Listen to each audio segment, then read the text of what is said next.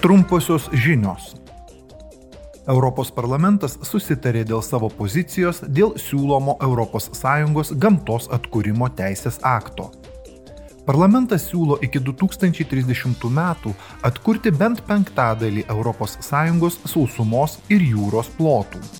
Jis taip pat siekia, kad iki 2050 metų būtų sutvarkytos visos atkurtinos ekosistemos. Dabar daugiau nei 80 procentų Europos buveinių yra prastos būklės.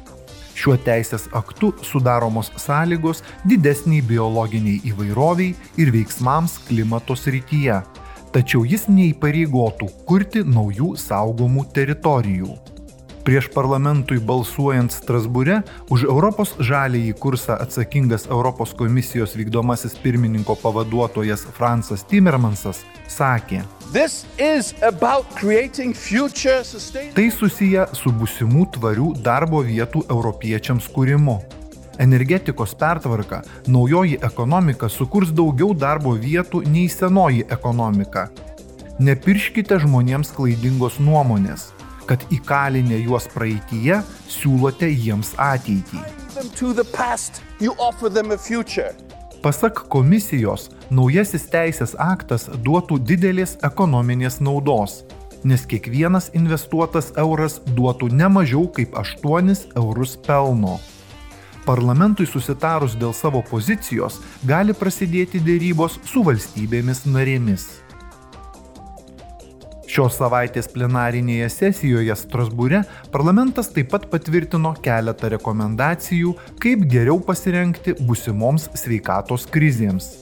Jas rengė parlamento specialusis komitetas COVID-19 pandemijos klausimais, praėjusiais metais išanalizavęs krizės padarinius.